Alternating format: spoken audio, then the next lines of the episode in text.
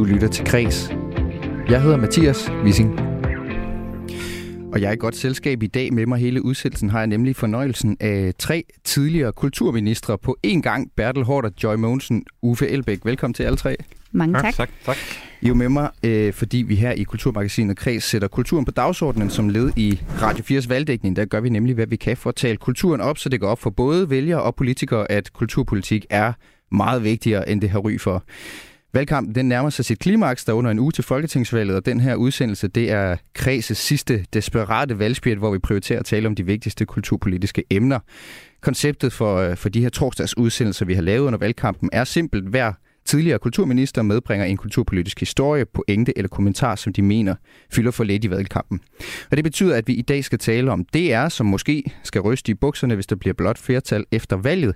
Vi skal tale om en omstridt og genstridig museumslov, og så skal vi tale om læselyst og læsning blandt børn som nøglen til et sundt kulturliv. Mit navn er Mathias Wissing, og du lytter som sagt til Kulturmagasinet Kreds i en valgspecial. Og lad os øh, dykke lidt ned i CV'erne, Bertel Hårder. Folketingsmedlem siden 1975 med en pause fra 99 til 2005. 41 år får det til i alt. Du, er, øh, du har siddet i, i alle 41 år i et eneste parti. Hvad siger du til det, Uffe Elbæk? Ret godt gået.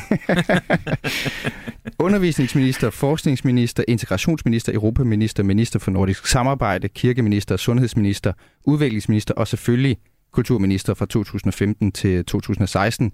Det er den egenskab, du er med i dag. Du genopstiller ikke, Bertel. Det betyder også, at dine dage i Folketinget, de for alvor ved at være talte. Hvad siger øh, mavefornemmelsen? Jeg har det så godt med ikke at være i valgkamp. Men det er selvfølgelig svært at skulle, skulle rykke ud af sit kontor med 17 flyttekasser. og jeg har smidt lige så meget væk, ja. som jeg tager med hjem. Ja. Og øh, så støder man jo ind i alt muligt, som man havde glemt. Og så er der jo også et kammeratskab på borgen, som, øh, som man kommer ud af. Ja. Og så skal man så at sige finde en ny identitet. Ja. Men det tror jeg nu ikke bliver svært. Bliver det vemodigt øh, på tirsdag, eller er du over, alle bjerge øh, allerede? Øh, jeg er til Nordisk Råd fra søndag til torsdag. Du er på arbejde? Så jeg er slet ikke hjemme. Jeg har stemt. ja. Det var godt, trods og, alt. Så jeg kommer hjem til et helt nyt Danmark øh, den 4. november. Ja, og et helt nyt liv på nogle områder. Vi kan Ja, lige vente nogle- senere, at du har faktisk Ja. en masse poster, som, som normalt vil, for alle andre vil være et fuldtidsjob i sig selv nærmest, som du kan, Jo, som du kan skal gå og nok- se til. Øh, Jeg får nok at gøre. Det kan jeg se på min indbakke. Joy Mogensen, du er Socialdemokratisk kultur- og kirkeminister fra 2019 til 2021. Så er du på barsel med din søn på knap et år, som vi har fornøjelsen af at have med i studiet. Det er det, man kan høre, hvis der er et lille pip en gang imellem. Ja, Øh, og han sidder lige og spiser sin banan. og han sidder lige og får banan. Så. Han er meget velkommen. Udover at være på barsel og udover at tage din søn med i studiet her, så øh, driver du også vandrehjemmet Danhostel på Roskilde Havn. Du har sagt, dengang du stoppede som kulturminister, at du ikke forlod politik for altid, men for nu. Trækker sådan et folketingsvalg og sådan en valgkamp her i, øh, i dig, eller nyder du bare at følge med på sikker afstand? Altså, øh, altså, altså, altså jeg, jeg, jeg nyder ikke selv at være med, men det er svært ikke at øh, gå ind og sådan støtte. Og jeg tror også, jeg kommer til lige at gøre noget her til sidst. For jeg kan godt mærke her, den sidste uge, så er der altid lige sådan en særlig energi, ikke? fordi man ved godt, at, at man kommer til at fortryde det om en uge, hvis ikke man har lige fået gjort det sidste. Så Ja. øh, der er nogen, jeg rigtig gerne vil støtte. Det er mange, altså fire år, op til fire år kan være lang tid at brænde ind med en eller anden kommentar, som først kan, Præcis. først skal fyre sig igen i 2026. Uffe Elbæk, du er også med. Socialpædagog, journalist, iværksætter, græsrodsentusiast, tidligere partileder med i, øh, i selvfølgelig Radikale Venstre, hvor du var kulturminister fra 2011-2012, det er derfor du er med. Øh, Så en periode i Folketinget som løsgænger, før du stiftede Alternativet, som du forlod for at stifte Fri Grønne, som du så for lidt over en måned siden forlod for at vende tilbage til Alternativet. Ja. Nu er det slut. Du Det genopstiller skal bare heller ikke. gøre, som jeg siger. Nej, joke, joke, joke. Ligesom, øh, ligesom Bertel Hårder, så genopstiller du ikke, det vil sige uffe.elbæk-folketing.dk, den virker ikke længere. Din mobiltelefon, den er også lagt i skuffen ja. Derinde på, øh, på Christiansborg. Du er logget ud. Kan du mærke identitetskrisen, den krasser allerede? Nej, det, er jo, det, var, det har været et meget bevidst valg, at jeg vil stoppe nu, ikke? Øh, og øh, altså, ligesom som øh, Bertel han siger, der selvfølgelig er der noget vemodighed i at gå ned ad trappen sidste gang. Øh, det er et kapitel af ens liv, der, der stopper med alle de glæder og også øh, downs, der har været involveret i det. Øh, men det er jo et, en meget, meget særlig arbejdsplads, altså for pokker. Og det er et kæmpe privilegie, synes jeg, at være folkevalgt og få lov til at deltage i de forhandlinger og de diskussioner, som vi har med hinanden. Så selvfølgelig er det særligt, men, men igen, det er meget bevidst valg, og jeg glæder mig til det nye kapitel, der skal starte øh, den 2. november.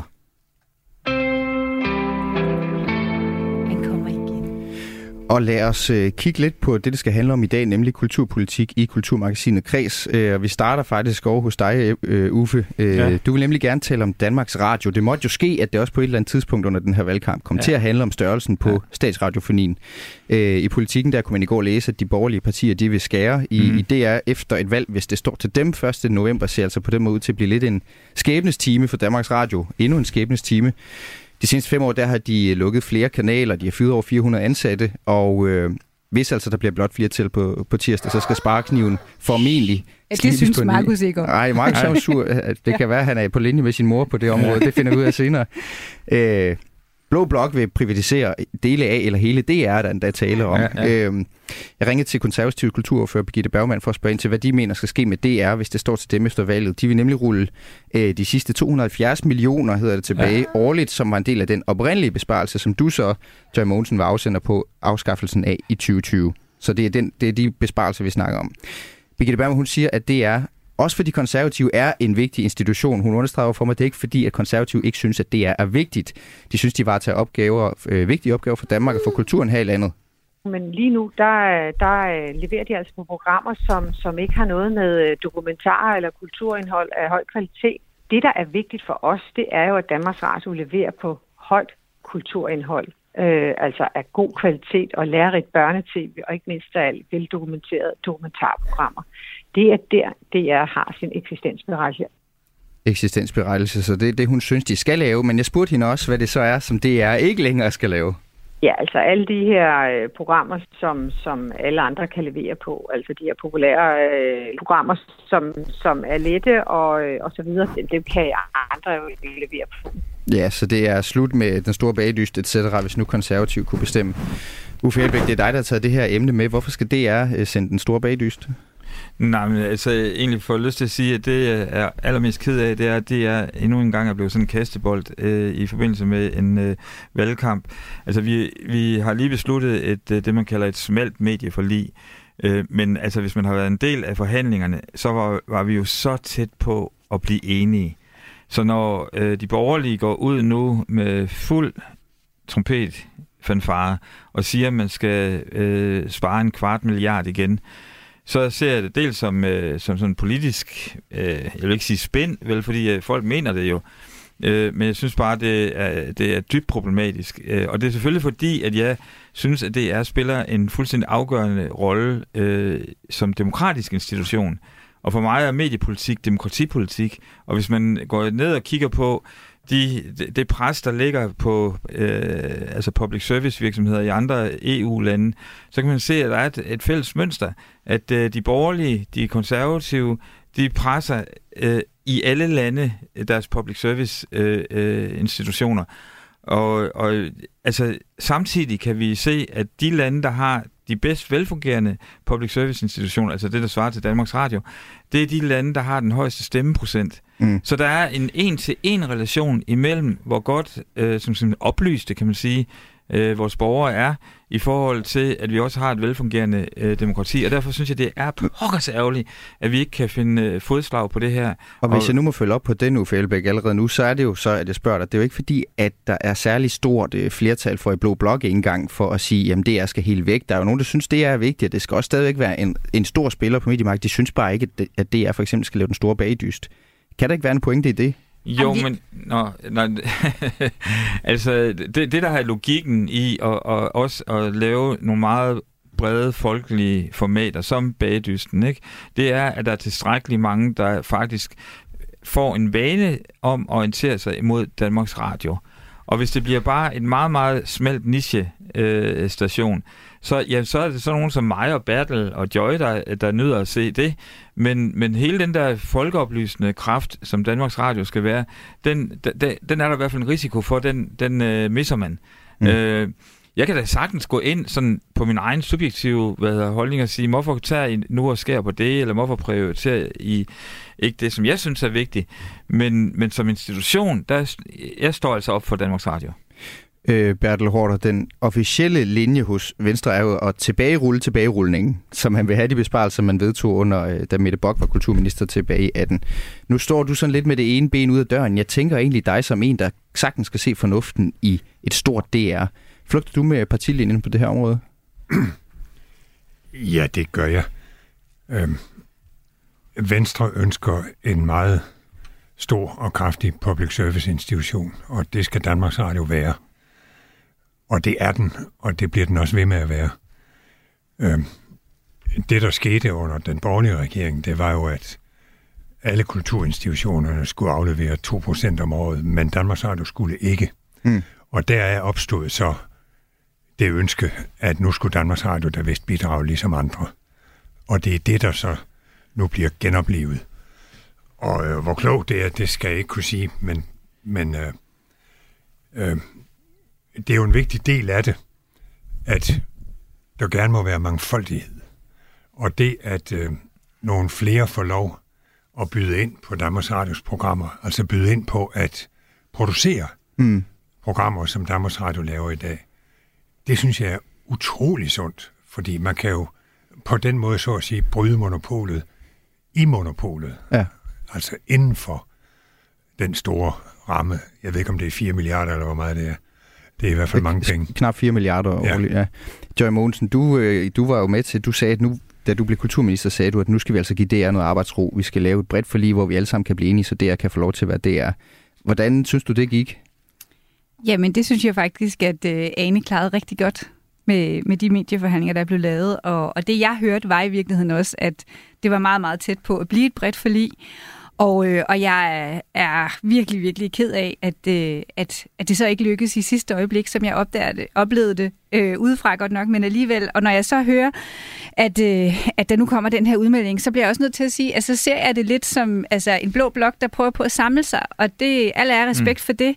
Men jeg så jo faktisk op til medieforhandlingerne Venstre med sin kulturordfører, Jan E., være ude og have noget eftertanke omkring det forrige medieforlig, hvor han både øh, altså, reflekteret oh, Markus, over, øh, over Radio 24-7-skandalen, men i virkeligheden også over DR. Sådan, så øh, jeg, jeg synes næsten, det er synd, at det er Bertel, der sidder her.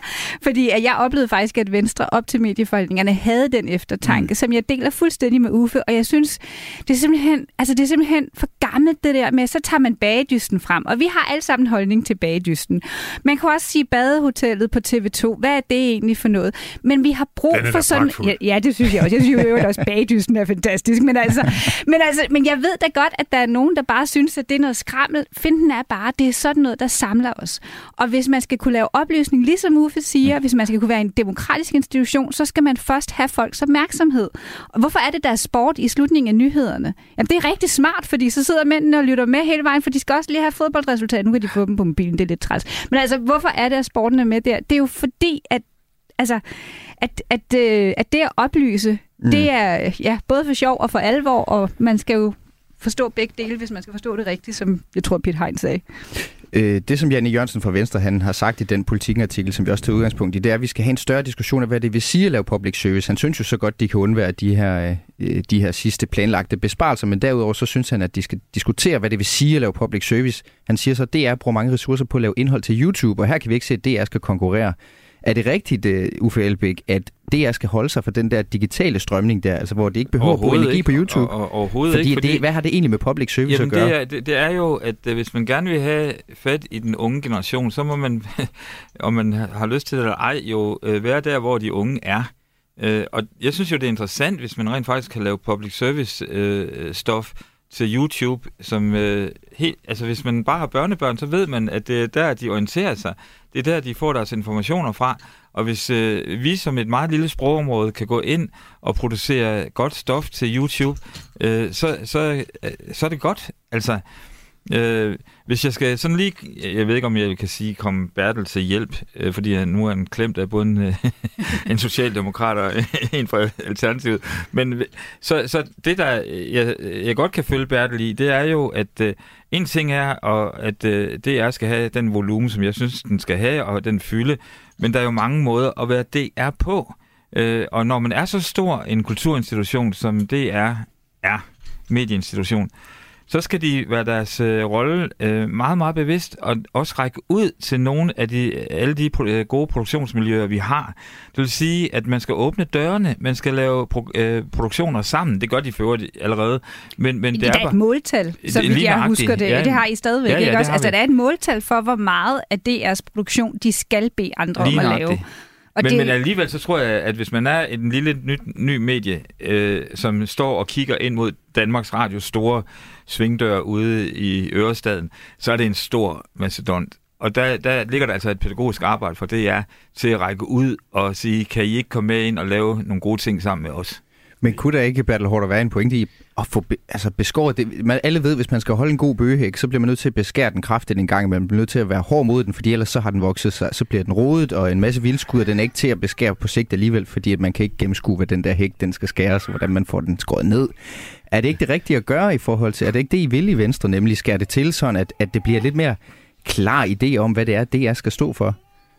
Ej, sådan vil jeg ikke formulere det. Fordi man skal også passe på, når man beskærer en hæk, at man ikke kommer til at skade fugleredderne Præcis. og den dejlige fuglesang, som de giver anledning til.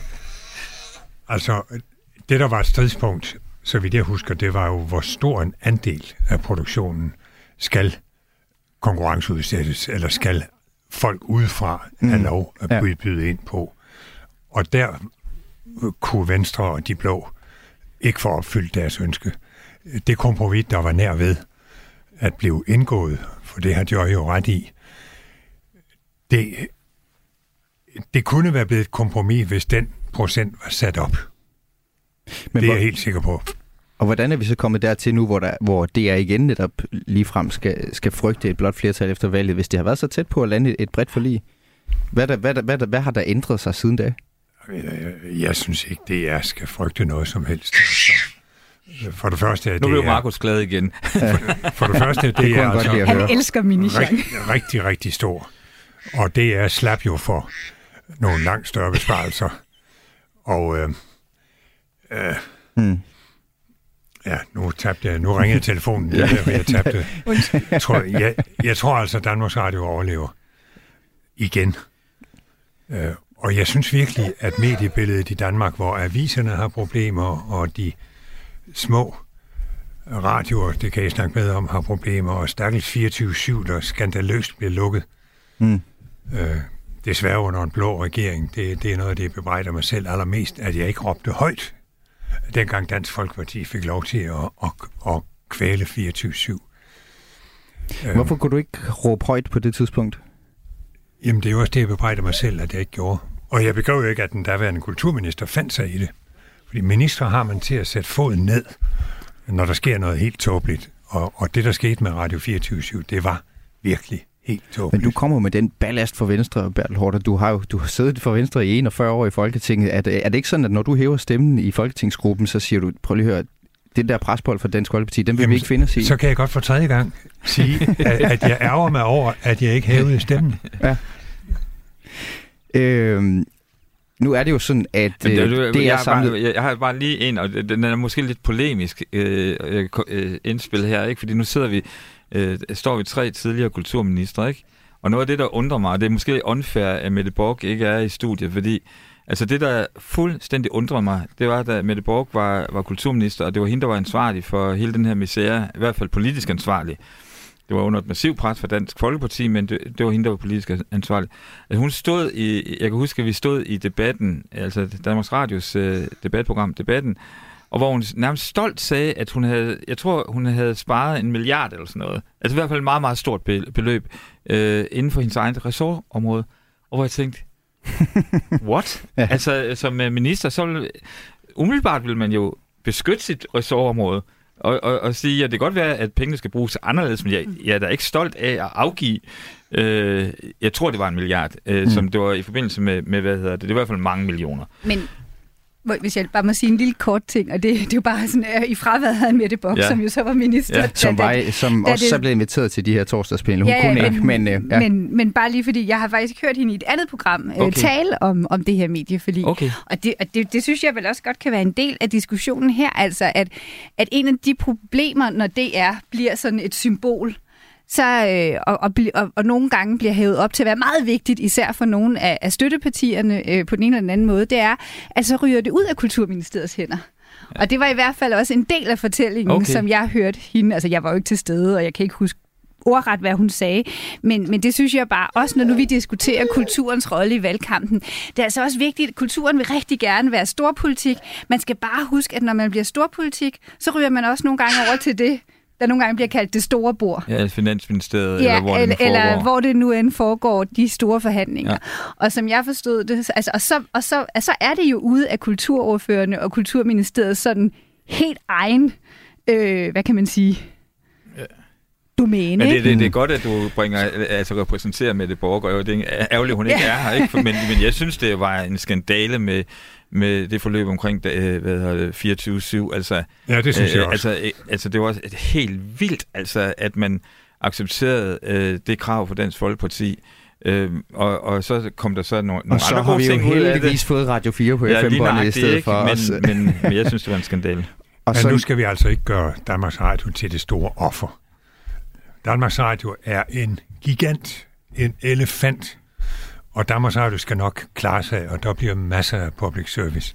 Og Danmarks Radio tager altså ikke skade af, at der er nogle flere udsendelser, som bliver produceret uden for Danmarks Radio. Det skal nok gå alt sammen, som Poul Slytter ville have sagt. og det bliver slutreplikken også i øh, den her stedsegrønne diskussion om, øh, om Danmarks Radio. Til sidst i programmet, der skal vi tale om børn og unges læselyst som øh, nøglen til et sundt kulturliv. Først så skal vi tale om kulturministerens evige dødsfjende, nemlig museumsloven. Du lytter til Kres. Jeg hedder Mathias Wissing. Og jeg er i dag i selskab med Uffe Elbæk, Bertel Hårder og Joy Mogensen, som har det til fælles, at de alle er tre øh, tidligere kulturministre her til lands.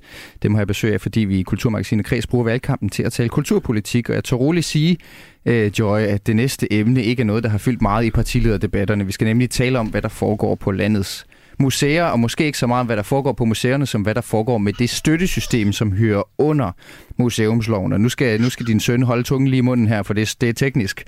Øh, det er nemlig et støttesystem, som er meget udskilt i museumsbranchen. Det bliver kaldt uretfærdigt, uigennemskueligt, forældet, geografisk skævvredet. Øh, lad os lige forsøge at skære det ud i pap, så selv jeg forstår, hvad problemet er med den her museumslov, og hvordan det påvirker en ganske almindelig museumsgæst som mig, Joy Monsen. Hvad er problemet? Problemet er, at... Øh, okay, jeg skal gøre, den har jeg ikke lige set komme. Nu prøver jeg at gøre det virkelig simpelt. Ikke også? Museerne modtager øh, støtte to steder fra i dag. For 17 år, 17-18 år siden var der tre steder. Dengang var der kommunerne, amterne og staten. Så blev amterne nedlagt, mm og så valgte man at tage det, amterne gav, og gøre til en del af statens tilskud. Og så har vi de to, vi har i dag. Man rørte overhovedet ikke ved amternes tilskud, og statens tilskud er i forvejen sådan nogle tilskud, der er blevet givet sådan. Så kom der et museum, og så var der et flertal, der ville støtte det museum, og så fik de et beløb. Så kom det næste museum, og så fik de et beløb. Men der er ikke nogen forholdsregel, eller mm-hmm. hvad kan man sige, logik imellem, hvad det er for nogle beløb, man får. Sammenholdt med de her amters forskellige tilskud, så gør det jo, at der er nogle museer, som har et fuldstændig uforklarligt stort beløb, mm. og så museer, der i virkeligheden gør tilnærmelsesvis det samme, men som har et meget lille beløb.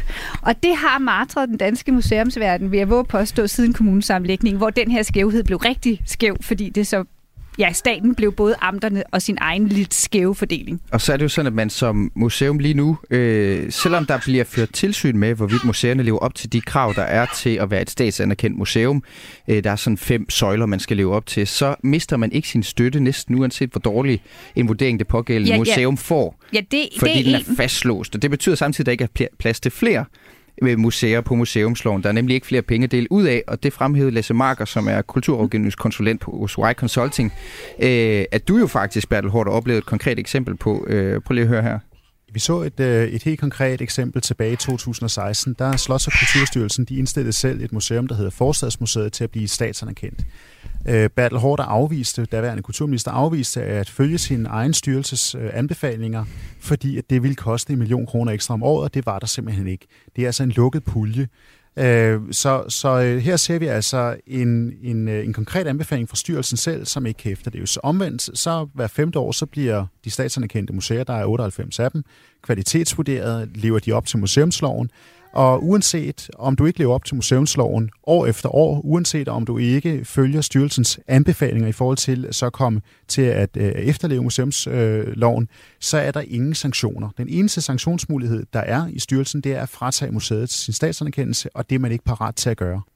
Og det er jo altså lidt ejendomligt, at det ikke har nogen konsekvenser at dumpe sin kvalitetsvurdering, virker til Bertel Hårder. Hvorfor er det her system ikke mere fleksibelt, så du i sin tid, nu det her jo bare et eksempel med Forstadsmuseet, ikke, øh, kunne tage nogle penge fra nogle af de museer, der underpresterer, for så at give det til et museum som det Stakkels Forstadsmuseum, som kan blive statsanerkendt?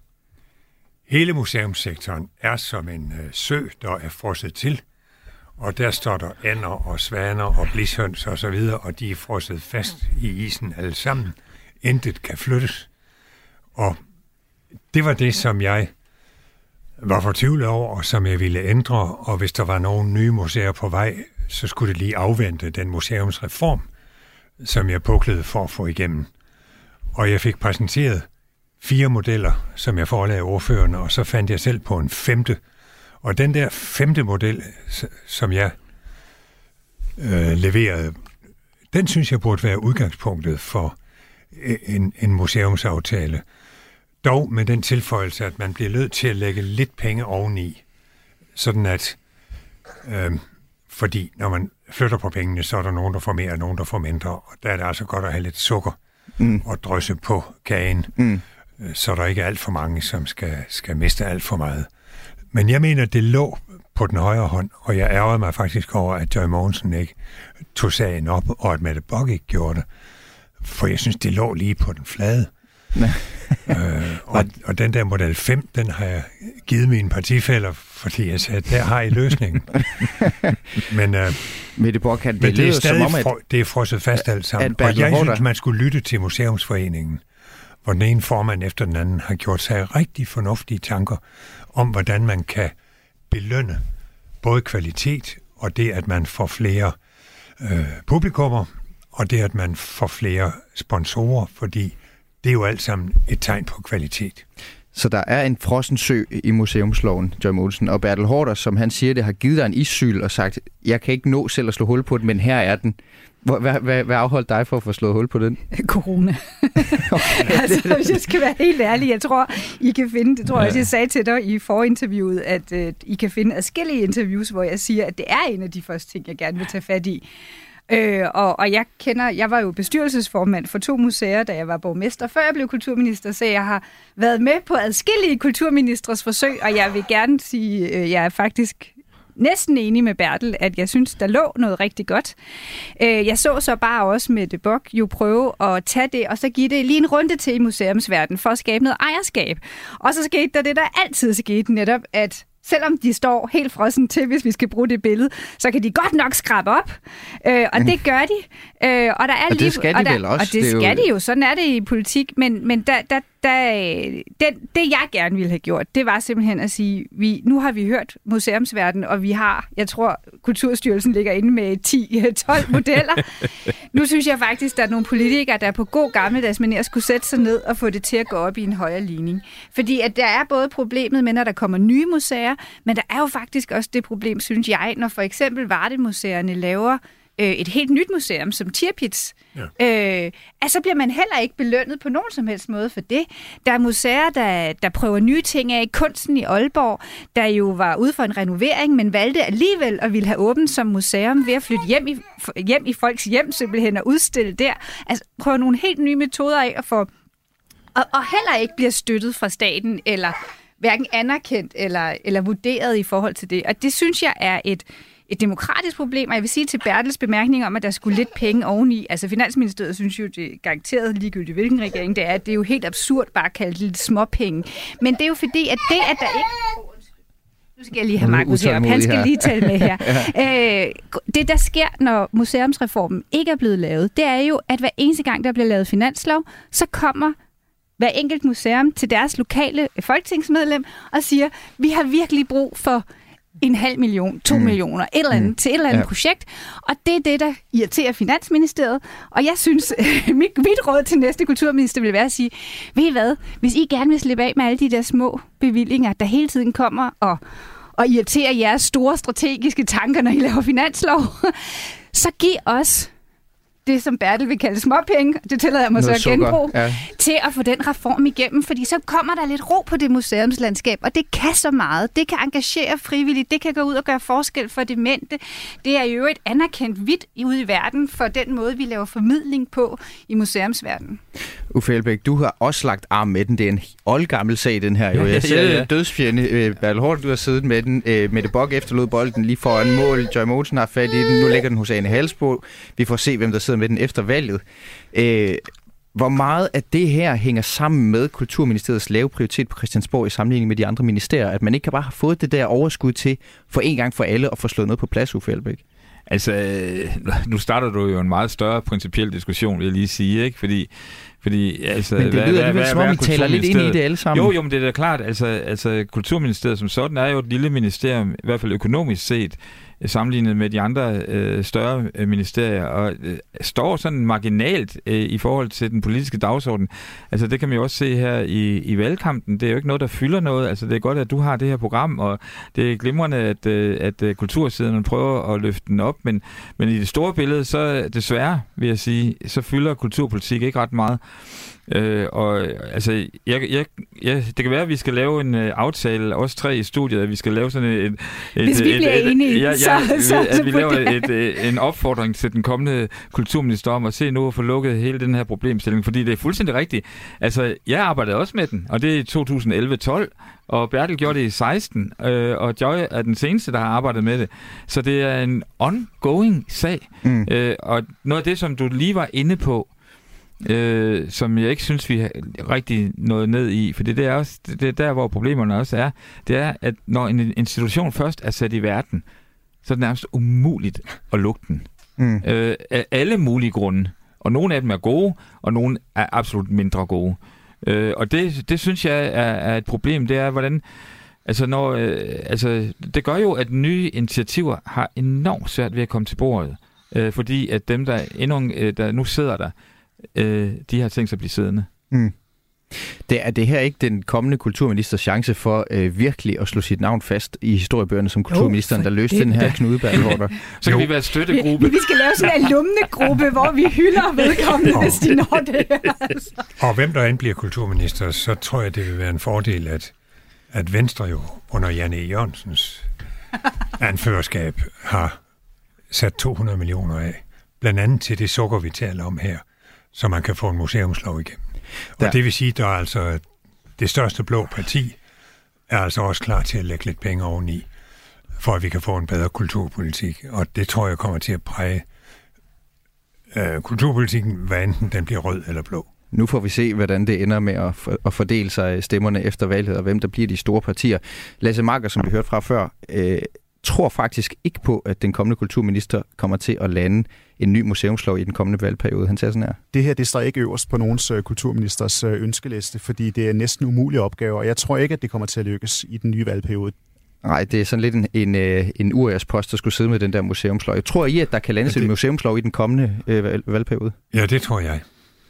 Du er optimistisk. Det er vi da nødt til at tro på. Altså, det er ja, så ja, indlysende det, det rigtigt kan man være at nødt gøre. til, men man kan jo også tænke, prøv at høre, den er simpel. Jeg har, jeg har Nej, kæmpet med den, lagt men arm jeg- med den, og den vil bare ikke løse sig. øh, Nej, men jeg mener faktisk, at Joy havde en pointe, at, at, øh, at, at da Joy var kulturminister, så endte det med, at alt kom til at øh, handle om corona. Fordi der var faktisk øh, ved at være en model og en enighed, som stod og var klar til at blive rullet ud. Så jeg tror faktisk godt, man kan... Øh, altså, jo, jeg, jeg satser på det. Og hvem, hvem bliver det et, et en... øh, Det, der er jo, det går ud over nogen, hvis vi ændrer på museumsloven, for der er jo sidder jo nogen, som rent faktisk er ret godt tilfreds med, hvordan den er indrettet, øh, fordi at de får en masse penge, som du var inde på før, lidt teknisk joy med det her med amterne, som så er blevet lagt ind under statens forpligtelser, som ikke har kunne røres ved under museumsloven. Hvad skal der ske med dem? Sidder der nogle, nogle dinosaurer, som, som skal til at være bange for en ny museumslov? Altså, fordi det lyder som om, at vi alle sammen er enige om, vi skal bare have en ny museumslov. Ej, alle er så trætte af den. Er der ikke nogen, der har gavn af det status quo? Altså, jeg havde faktisk en idé, som jeg med lidt slet skjult øh, glæde så havde fundet vej ind i de radikales kulturudspil. Så tænkte jeg, og så var jeg da ikke helt så dum, når nu at, øh, de tog nogle af mine tanker. Og det var faktisk øh, det der med, at, øh, at vi udover at skulle kigge på pengene, også skal kigge på opgaverne. Fordi du fortalte selv om de her fem søjler. Og det gav rigtig god mening i en verden, hvor at museerne var nogenlunde ens, men i en verden, hvor at nogle museer øh, måske primært har deres storhedstid, når der er turister, altså om sommeren eller i ferierne i hvert fald, og nogen er internationalt orienteret, og nogen øh, måske dokumenterer et stykke samtidshistorie, så synes jeg faktisk, det giver mening at tænke på, skal alle 100 museer mm. leve op til de fem søjler, eller kan man lave forskellige kategorier? Sådan, så nogen skal selvfølgelig have alle fem søjler, men nogen er måske bare helt excellente.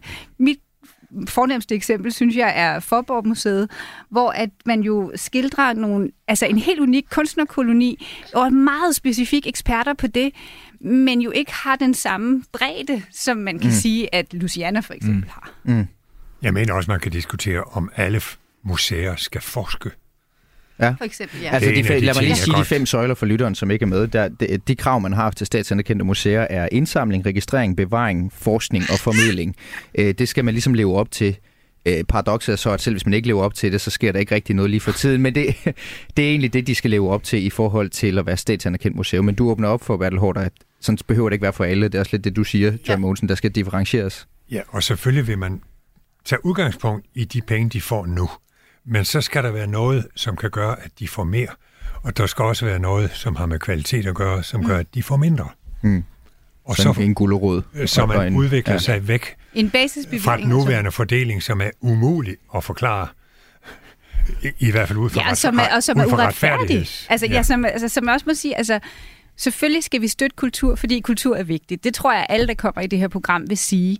Men, men, men internt i kulturverdenen skal man jo også kunne forklare, hvorfor får nogen det ene bevilling efter det andet. Og der dur det altså ikke at sige, når i finansloven i 1700 Grøn Langkål, der var der et flertal, der sagde, at sådan her skulle bevillingen være, og så er den bare blevet pris- og lønfremskrevet siden da.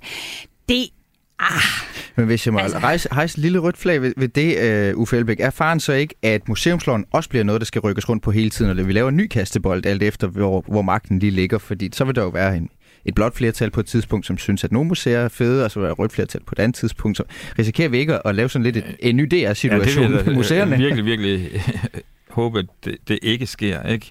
Fordi at uh, museerne har jo brug for også arbejdsro og vide, hvad det er for en ramme, de arbejder indenfor. Men altså, Joy har nævnt det to gange allerede. Altså, nogle af de bevillinger, det er historisk betinget. Ja. Det var til, øh, altså direkte tilbage til, da man nedlagde amterne, øh, og så øh, gik den, den bevilling over i staten. Og det, det har gjort, at øh, der er et, et museum som Arken, der får forholdsvis mange penge sammenlignet med en tilsvarende øh, som kunsten i, i Aalborg. Altså, der, der er simpelthen nogle historisk betingede øh, grunden til, at det er så skævt, som det er. Men jeg synes også, at øh, det du nævner, Bertel, omkring, altså der, der skal også være en grund til, at der er nogen, der får flere penge end andre øh, i forhold til kvalitet. Og der, der synes jeg altså, at man skal være fair og sige, at et, et museum som Louisiana er i verdensklasse. Mm. Og mm. så er spørgsmålet, ønsker vi at have et museum som Luciana i verdensklasse, eller ønsker vi, at det skal smøres ud over hele landskabet? Men, det er, der... jo, men det er jo derfor, det ikke giver mening, at med al af respekt, Søfartsmuseet i, Mars, i Marstal er i samme kategori som Luciana. Nå, Fordi det, det, de er begge to vidunderlige museer, ja. men det er to forskellige fuldstændig, opgaver. Fuldstændig enig. Fuldstændig enig. Men... Så er der også det absurde, at uh, fregatten Jylland og Dybel Mølle hvert eneste år skal kæmpe for sin ja, ja. eksistens. Og det er så noget, finansminister elsker, fordi for at få finanslovsforlig, så giver de et eller andet parti ja, de... den indrømmelse, at nu skal fregatten ja. Jylland ikke forfalde. Men, men, der er jo ikke et menneske i Folketinget, som, ja. som ønsker, ja. at Dybel Møller og fregatten Jylland mm. skal forfalde. Ja. Så hvorfor kan de ikke bare stå på finansloven? Ja. Men det er ligesom som grundtvig forskning. Den men, kommer op hver gang. Men det lykkes ja. kun, hvis der bliver lavet en museumsreform. Ja. ja. Så fik vi heldigvis løst problemet med museumsloven. Det var jo ikke særlig svært, når det kom, nej, nej. Når det kom til, til alt. Ja.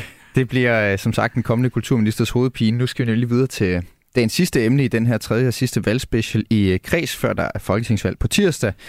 Øh, og det vi bruger kreds på, det er at tale om noget så sjældent som kultur under valgkampen i forsøget altså på at få sat kulturpolitik lidt på dagsordenen her til sidst.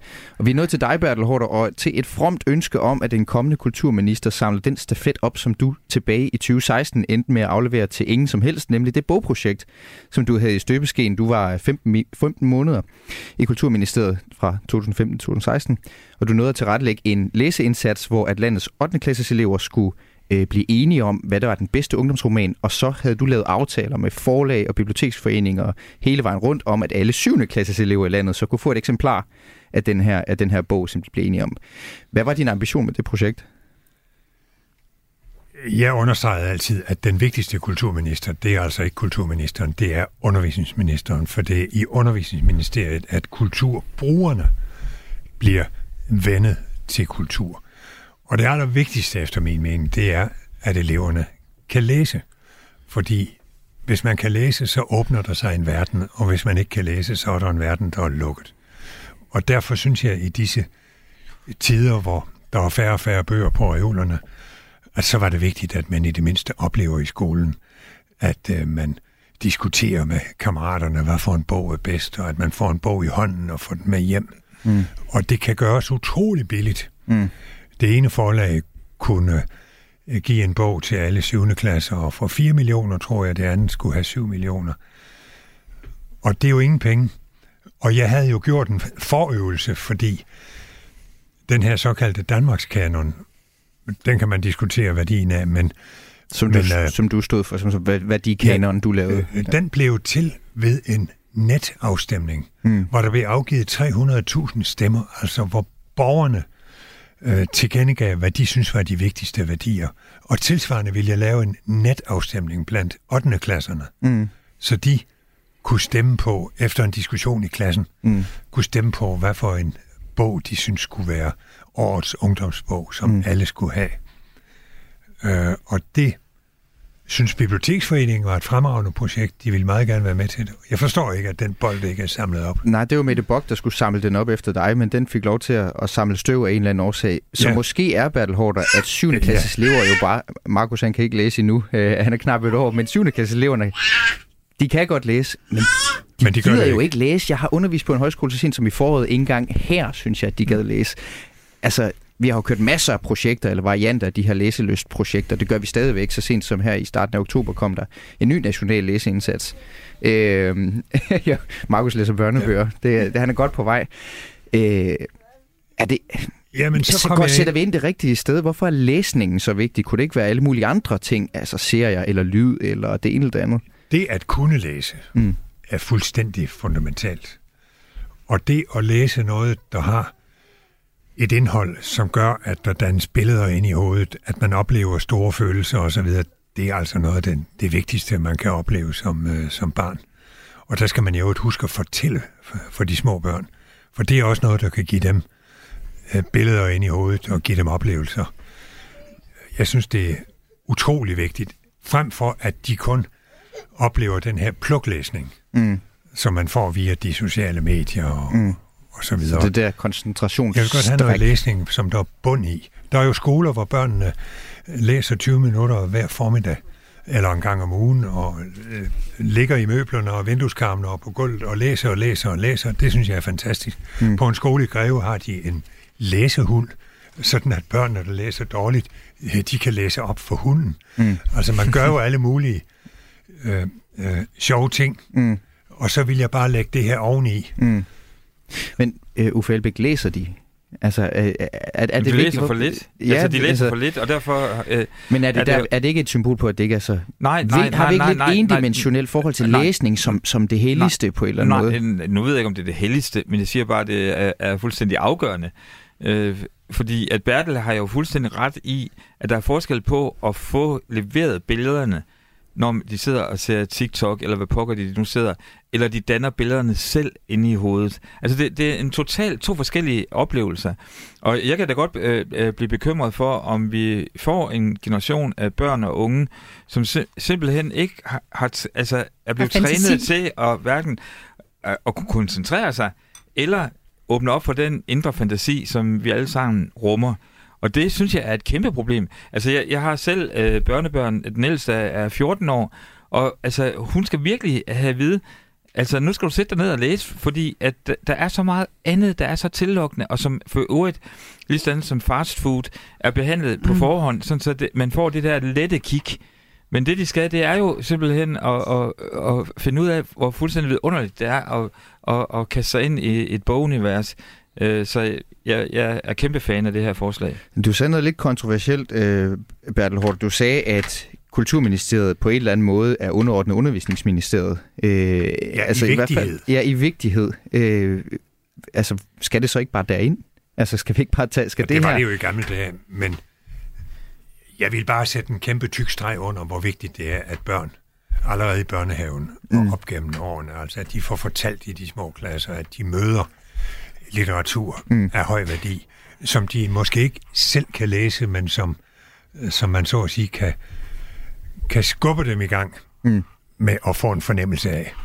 Og nu har vi jo, altså, nu er han ikke så sproglig på den måde, din søn nu, øh, Joel, så kunne det være, at vi skulle spørge ham, hvad, han, hvad hans forventninger til læsning er. Men jeg må så spørge moren, øh, er det noget, du gør, en, øh, altså er det noget, en bekymring, du har, eller er du anderledes indstillet på, at der er altså forskellige måder at få fortællinger ind under bæltestedet på en eller anden måde, eller ind under vesten, undskyld?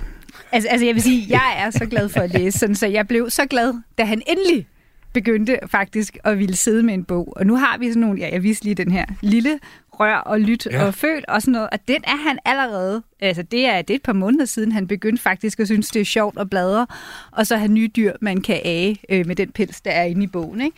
Vi har også øh, bøger derhjemme, som har musik, og jeg synes, det er virkelig det er fantastisk at se netop, hvordan at jeg kan pege på nogle ting af billederne, men han ser andre ting af billederne, og så glæder jeg mig bare til, at der kommer tekst på. Så jeg, jeg er nok, jeg sad og tænkte på, at vi lyder sikkert utrolig gamle, hvis der er nogle unge, der lytter med, men, men jeg er faktisk enig i, at vi skal huske huske også at læse altså, altså lang tid, fordi den der fordybelse og den der fantasi, ja. som du fik mig til at tænke på, ja. uh, Uffe, det er jo den der også tro på, at man selv har en kreativ åre, som, som bøgerne faktisk åbner op for en. Øh, men, men jeg vil sige, at det, bare også til det andet omkring, om, om undervisningsministeriet spiller en rolle. Ja, det gør det selvfølgelig, men det er sørme også vigtigt, at vi begynder at disciplinere os voksnes digitale forbrug. Fordi mm. hvis der er noget, jeg har oplevet, så er det også, min søster, hun læser rigtig meget bøger. Mm. Og hendes børn, ja, det gør moster, ikke også? Mm. Og, øh, og hendes børn læser faktisk også rigtig mange bøger. De læser dem godt nok som e-bøger, og jeg kan jo også se, hvor meget han efterligner, hvad jeg gør. Sådan, så det er altså også vigtigt, altså, at vi voksne ikke overlader det til skolen, men lægger den der, lad lige jeres børn se, jeg læser en bog. Det er faktisk ret vigtigt. Kort kommentar, Uffe. Jamen, jeg, jeg fik et spørgsmål øh, fra øh, politikken her for et par dage siden om, hvad, hvis jeg skulle øh, vælge at bruge nogle ekstra penge på et enkelt initiativ på kulturområdet, hvad skulle det så være? Og der foreslog jeg, at vi fjernede bogmomsen. For en af grundene til, at mange voksne heller ikke køber bøger, det er fordi, at de er pokker styre. Og hvis vi sammenligner øh, prisen på danske bøger med for eksempel bøger i England, jamen, så er der væsentlig forskel. Øh, så hvis man skulle øh, putte nogle penge ind i, i systemet, så, så kunne det være et sted, ikke? Fordi at øh, Joy har ret i, at, at øh, børn og unge, de efterligner jo deres, øh, deres forældre. Og hvis forældrene ikke læser, jamen, så kommer børnene heller ikke til at gøre det. Øh, Bertel Hårder, du har læst rigtig, rigtig meget igennem dit liv, øh, og du har også læst rigtig meget, øh, mens du har siddet i forskellige ministerier skal du læse her, nu når du går på, øh, nu når du, du kommer ud af Folketinget og har tid til at læse, fordi det her, det er jo også øh, en af de sidste gange, vi har dig i studiet folketingsmedlem, så vi har også lidt kage, du kan sidde og spise eventuelt. det er en gang, du får det. det, jeg, tror både, jeg tror både, jeg skal læse og skrive. Ja, har du en bog i... Og hvis øh, jeg må slutte lidt højtidligt, så vil jeg sige, definitionen på dannelse, det er jo, at øjnene lærer i billedkunstundervisning og se, hvad de ikke før kunne se at ørerne lærer i musikundervisning og høre, hvad de ikke før kunne høre. Og at børnene oplever, at de har følelser inde i sig, som de ikke havde tænkt på, de havde, og som kan fremkaldes både ved levende billeder på en skærm osv., men altså også ved, at man læser, og derved danner billederne selv, som Uffe så rigtigt sagde. Øh... Og det er, jo, det er jo dannelse, det er definitionen på dannelse. Og det her jo på mange måder, øh, det lyder næsten som en, øh, en overskrift på dine år i Folketinget. Øh, øh, du, har, du har jo siddet der i, i 41 år, Bertel Hård, og været minister i næsten halvdelen af tiden. Øh, derfor synes jeg, du skal spise lidt kage, som, er, som er øh, vores... Vi øh, fejrer altså ikke, at du går af. Øh, vi, vi, vi, vi fejrer, vi fejrer en lang flot folketingskarriere, og så ja. er du jo formand for bestyrelsen i det Kongelige Teater. Nu snakker vi om bøger. Kan du også komme med i teatret på den anden side? Hvad kan jeg sige du? Om der bliver tid til at komme endnu mere i teatret. Er det også ja, noget det, det, du skal bruge din tid altså, på her, når ja, du øh, nu ikke længere skal være på Christiansborg? Jeg har som princip at se alle forestillinger. Og det nyder jeg i den grad. Og da min kone har været leder af Balletskolens læseskole, så kan jeg til med elske at se ballet. Altså, det er noget nyt, jeg har lært. Musik og skuespil, det har jeg kunnet fra barns ben. Mm. Men det med balletten, og den musik, der hører med, det må jeg sige, det har været en oplevelse at blive opdraget til det. Det er jo desværre sådan, at kunstoplevelser skal man opdrages til. Og det er derfor, jeg tillader mig at sige, at undervisningsministeriet er altså et meget vigtigt kulturministerium. For det er der, børnene bliver opdraget. Uffe Elbæk, du stopper jo også i, du, du har ikke siddet i Folketinget i lige så lang tid Absolut som, som Bertel Hårder, men, øh, men du har alligevel haft en folketingskarriere ja. Ja. på 12 år. Ja. Øh, hvad, hvad skal du bruge tiden på nu her? Det ved jeg ikke. det aner jeg ikke. Og det er det, der er hele meningen med det. Altså, jeg, jeg har lavet en aftale med mig selv om, at jeg siger pænt nej tak til alle tilbud, jeg får øh, for øjeblikket. Fordi jeg simpelthen vil kigge på en helt blank lærred, øh, og, så, og så efter et par måneder finde ud af, hvad er det, livet kalder i, i mig? Øh, hvad er det, jeg skal? Men selvfølgelig vil jeg gerne skrive noget mere, jeg vil gerne undervise noget mere. Jeg er jo gammel uddannelsesmand, øh, og selvfølgelig øh, vil jeg også ud og lave nogle oplæg og sådan noget, ikke? Men, men jeg er enormt spændt på, øh, jeg, jeg har faktisk sådan en helt eventyrenergi i maven over, at øh, jeg ikke ved, hvad jeg skal. Ja. Du er jo en dybt kreativ person. Ja, ja, det- du skal nok finde på det noget. tror jeg også. Det tror og jeg din også. indbakke, den vil være lige så meget stoppet til som min. Ja, lige Med, nøjagtigt. med forslag til, hvad du Det skal tror jeg gøre. også. det tror jeg også. Joy Mogensen, øh, jeg ved ikke, om, om Markusen reagerer, fordi han har lyst til at give øh, Bertel Hårder en gave, eller, eller hvad, det er, hvad det er, han prøver at sige til os, der skal, vi skal have ordnet nu her. øh, jeg vidste ikke, jeg skulle gøre det live. Men, øh, Nu hvis Nå, du havde giver en lidt- gave, så synes men, jeg, så vil jeg have den med i øh, programmet. Jeg har Nå. faktisk en med blå snor og det hele, Bertel. Nej, tusind Fordi tak. at, øh, selvom vi jo ikke er fra samme parti, så, øh, så synes jeg, det har været aldrig kedeligt og, Og, jeg- og jeg husker jo, da vi mødtes første gang omkring Vikingemuseet, Præcis, som du havde nogle problemer med. ja. Og der var jeg faktisk hjælpsom. Du var meget hjælp. Det har jeg faktisk også skrevet i kortet. tak for forståelsen, og tak for inspirationen. Selv tak. Og vi nærmer Og tak os, øh, mens du pakker gaven op, øh, Bertel, så kan jeg sige til lytterne, at vi nærmer os, øh, vi nærmer os sidste ord i øh, den her torsdagsudgave af Kulturmagasinet Kreds på øh, Radio 4 i sådan en slags valgspecial, som jeg, øh, som jeg har haft øh, æren af at have besøg af, af jer tre af, Bertel Hård og Venstre, som altså øh, var øh, kulturminister fra øh, 15 til 16.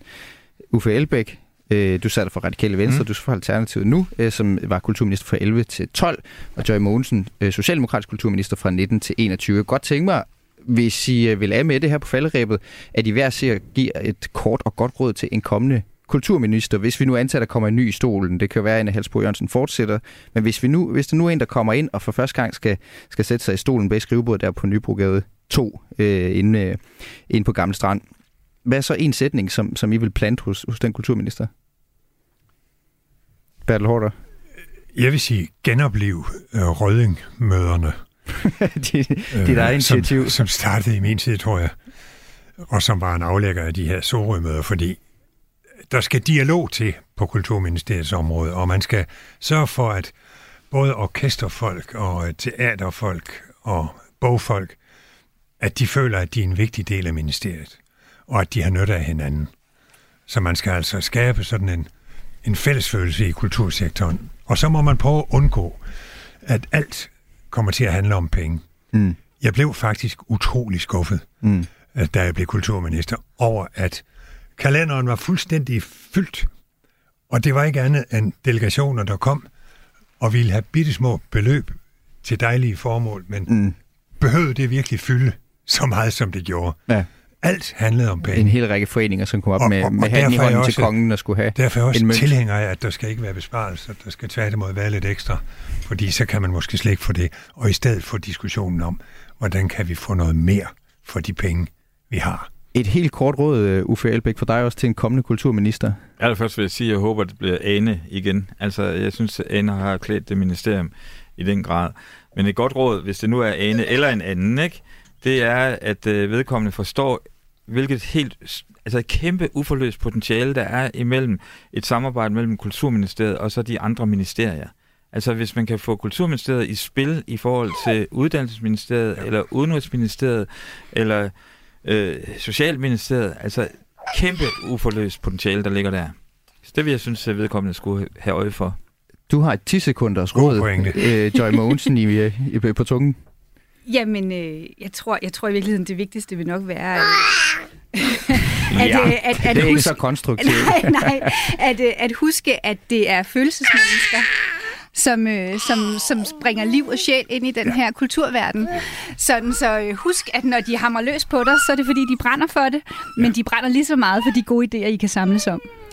Joy Mogensen, Uffe sagt. Elbæk, Ja. Bertel Hårder, øh, tusind tak til alle tre, fordi I var med i dag. Øh, god valgkamp slutspurt til alle, uanset hvad I så skal bruge de sidste par dage her i weekenden på. Øh, Kulturmagasinet Kreds det blev til med hjælp fra Morten Nørbo i dag. Mit navn er Mathias Wissing, og Kreds er tilbage på mandag med en temaudsendelse om Halloween. Om lidt så er der missionen med Tony Scott og Amalie Bremer. Bliv hængende, nu er der